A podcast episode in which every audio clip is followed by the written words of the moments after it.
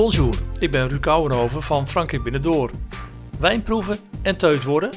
Dat kan iedereen overkomen. Luister maar eens naar deze podcast met een ervaring in een prestigieuze wijnkelder in Boon.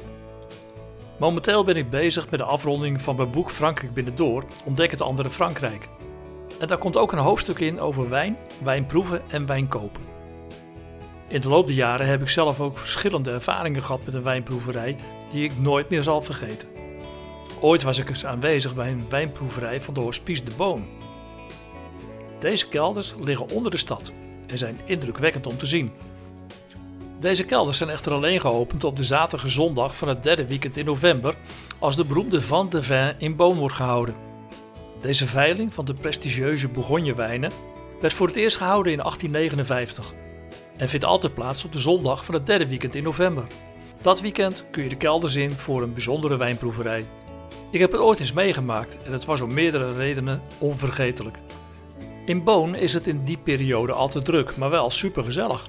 En als je het eens wilt meemaken, dan moet je dus op tijd zijn om een hotel, chambre d'hôte of ander overnachtingsadres te regelen. Ook als je in een leuk restaurant wilt gaan eten, is het wel verstandig om vooraf te reserveren. Onze zoon had via connecties kaarten voor de proeverij weten te regelen. En zo daalde ik samen met hem en Marjan af in de kelders die onder de straten van Boon liggen. Vlak voor ons daalde een groepje Japanners een steile trapje af. Er werd begonnen met de witte wijnen uit de Bourgogne. Die, naarmate wij verder kwamen, vervangen werden door de beroemde rode wijnen. Bij het begin kreeg iedereen een glas om te proeven. En telkens werd met een grote glazen pipet de wijn uit een vat getapt en een beetje in het glas gedaan. En daarna was het walsen, proeven, de wijn door je mond rond laten gaan en zuurstof naar binnen zuigen. Vervolgens de wijn uitspugen en je glas leegmaken voor de volgende. Maar soms toch ook even een klein beetje extra genieten van een slokje en dat lekker doorslikken. En natuurlijk zo professioneel mogelijk kijken. Aan het eind van de proeverij hadden we misschien wel 30 wijnen geproefd en waren de vrolijke Aziatische toeristen nog vrolijker. Ik had echter al snel in de gaten dat het groepje Japanners al heel jolig en lacherig werd. Aan het eind moest je via een steile houten trap naar buiten. Dat ging bij de Japanners niet helemaal meer zoals het zou moeten. Ze waren zo teut dat ze geholpen moesten worden om de trap naar buiten op te klimmen. In het boek Frankrijk Binnendoor ontdek het andere Frankrijk komen nog veel meer tips te staan over wijnproeven en wijnkopen in Frankrijk.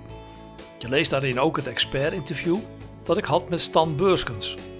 Hij geeft onder meer een gouden tip om je aangeschafte wijn zo goed mogelijk mee naar huis te nemen en hoe je het best wijn kunt proeven. Wijn proeven is trouwens heel persoonlijk en heeft alles te maken met emotie. In het boek staat bijvoorbeeld ook een uitspraak van een Franse wijnboer die ik ooit sprak. Hij vertelde mij: Ruud, als je een knettende ruzie met je partner hebt gehad en je wilt het goed maken door een fantastische Grand Cru open te trekken, dan smaakt deze nooit zo lekker dan wanneer jullie samen dit op een feestelijk moment zouden hebben gedaan. Als je bij een wijnboer in Frankrijk wilt gaan proeven, dan kun je dat op de portefeuille doen of op afspraak. En voor het boek sprak ik met Stan Burgers van Wijnkenniscentrum Sint Martinus in Veilen. Het interview kun je vanaf 8 oktober 2019 in het boek lezen. En hij geeft erin zijn insider tips over wijn, wijnproeven en wijnkopen.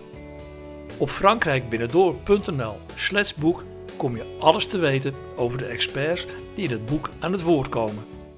Oh ja, vond je deze podcast leuk? Meld je dan aan in de Apple Podcast, Stitcher of Spotify en je bent altijd op de hoogte van een nieuwe podcast.